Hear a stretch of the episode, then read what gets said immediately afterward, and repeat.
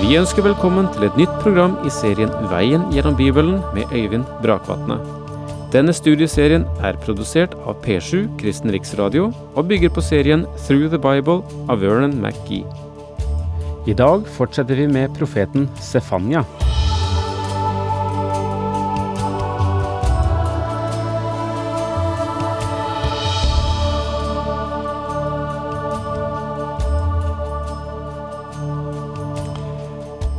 Profeten Sefanya nevner, når vi kommer til det syvende vers i kapittel 1, Herrens dag for første gang. Dette er et begrep som brukes hos flere av profetene.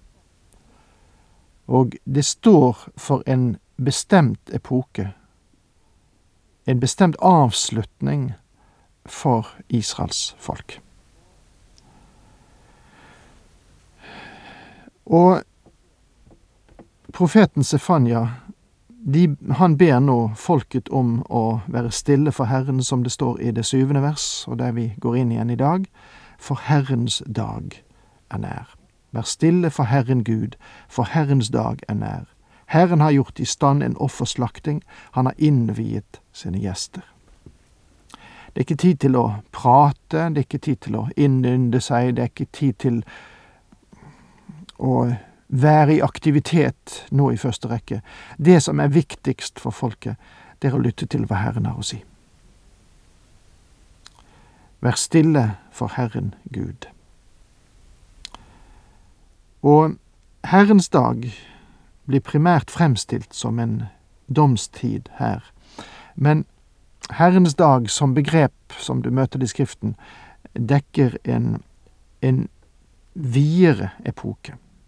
Men her, i første rekke, den store trengselsperiode. I dag lever du og jeg i Kristi dag, i nådens tid. Herrens dag vil begynne når menigheten løftes fra jorden. Da er det sluttfasen på Guds dom som begynner. Jeg avsluttet sist med å si at forut for den dagen som fremdeles ligger foran oss, har det vært mange perioder som har hatt likhetstrekk med Herrens dag. Da det var kolossale kriser, da det var store trengsler. Men de er bare forvarsler omkring det som vil være den avsluttende trengselsepoke. Eh, fiende her efter fiende her har erobret landet eh, gjennom tidene, altså Israel. Blant annet som et resultat av det så finnes det nesten ikke skog igjen i Israel, og det gjøres kjempeanstrengelser i dag for å reise skog eh, på nytt. Så viktig generelt for landet og for klimaet i dette riket. Men Gud hadde tidlig gjort det klart at han ville ribbe hele det landet, og det gjorde han. Vitnesbyrdet om det finnes fremdeles også i dag. Denne dommen var for folket på Herrens dag, men så langt i historien har oppfyllelsen av disse profetier ikke skjedd totalt sett. Sefanya gjør det helt klart at Herrens dag er noe som ligger fremme og venter, og som er knyttet til Messias komme.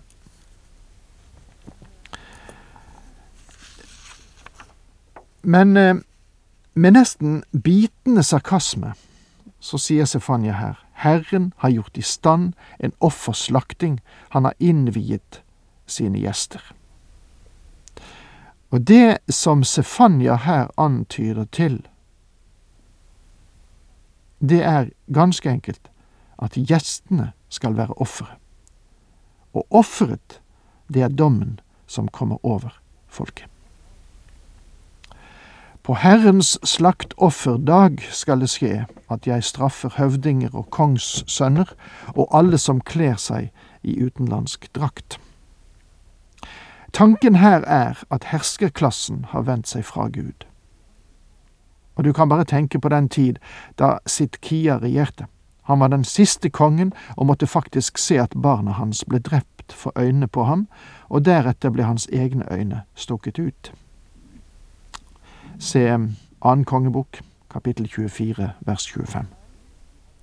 Det var sannelig en hard dom, men de hadde hatt advarslene fra Gud lenge.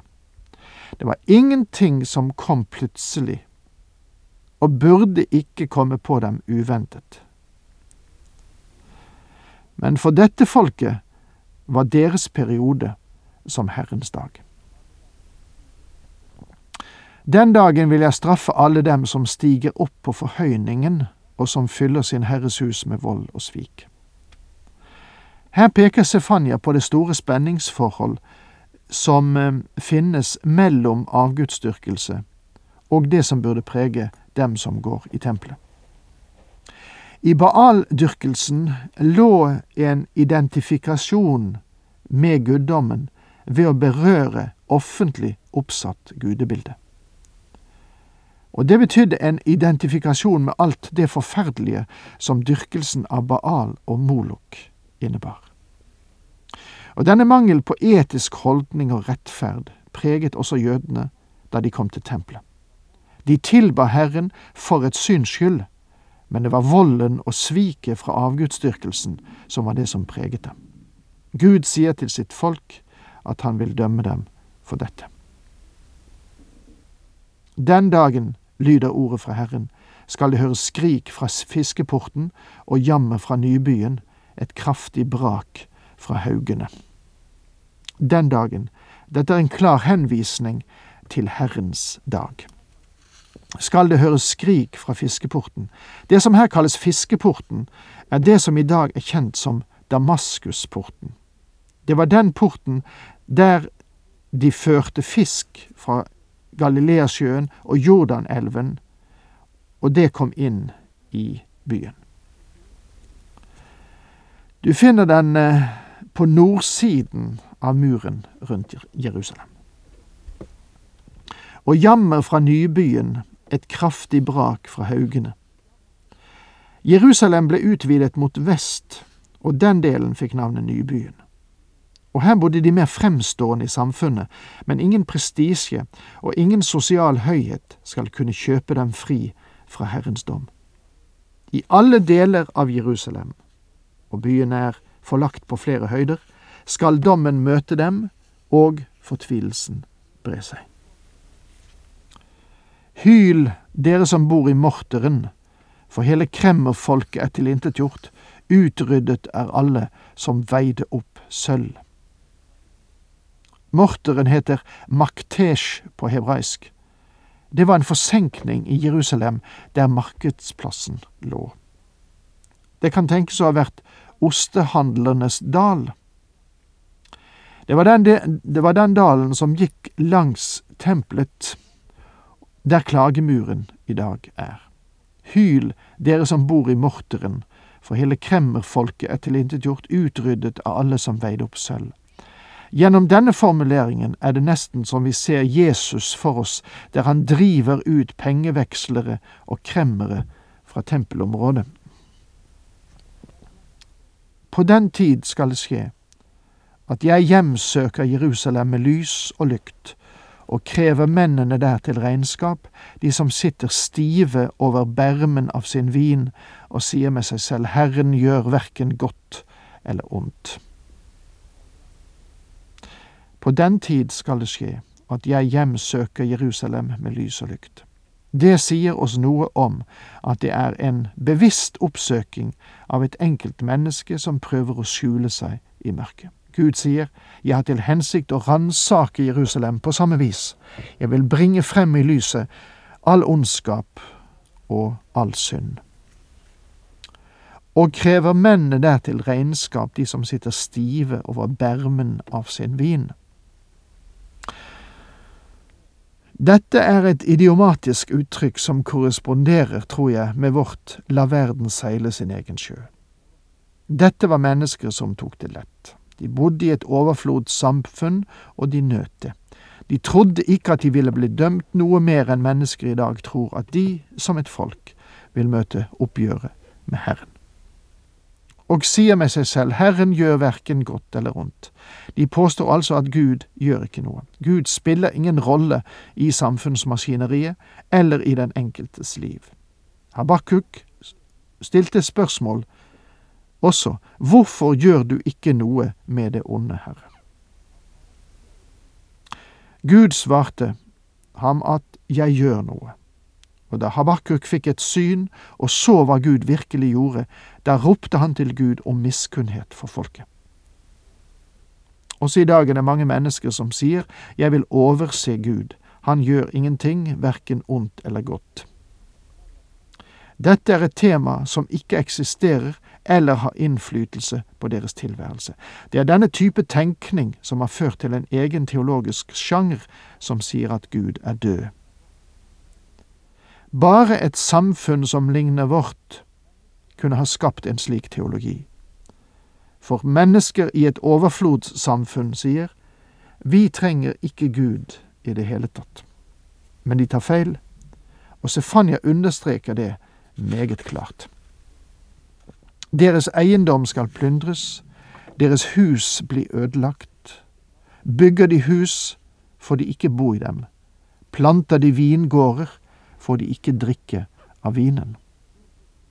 Deres eiendom skal plyndres.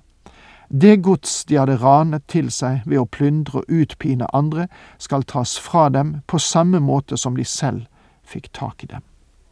Deres hus blir ødelagt, med andre ord, byene skulle dø ut i Israel. Bygger de hus, får de ikke bo i dem, planter de vingårder, får de ikke drikke av vinen. Gud hadde gitt en lov til disse menneskene, at når en mann plantet en vingård, skulle han ikke dra i krig før han hadde spist frukten av denne vingården. En annen lov sa at om en mann giftet seg, så skulle han fritas for krigstjeneste ett år. Her sier Gud at de skal plante vingårder, men de skal omkomme før de kan drikke resultatet av sitt arbeid, fordi de har syndet. De ville ikke bli fritatt for krigens redsler. Fienden ville komme som en flodbølge og ikke ta hensyn til hvilke rettigheter du har. Nær er Herrens dag, den store, den er nær og kommer med hast. Hør, besk er Herrens dag, da roper krigeren høyt. Nær er Herrens dag den store. Denne store Herrens dag er den store trengsel i fremtiden. På Sefanias tid, etter kong Joshias regjeringsepoke, kom det ingen flere gode konger i Sydriket. Alle de som etterfulgte Joshia, var onde konger. Alle de fire etterfølgende konger før sammenbruddet kom, var korrupte herskere.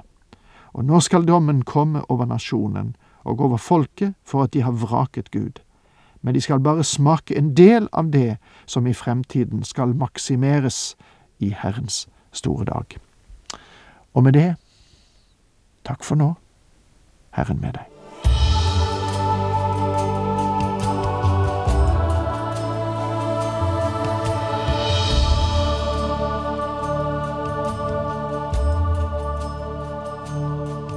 Du hørte Øyvind Brakvatne i studieserien Veien gjennom Bibelen. Serien bygger på et manus av Vern McGee. Har du spørsmål eller kommentarer til programmet, kan du sende en e-post til vgb krøllalfa p7.no. Takk for i dag, og på gjenhør.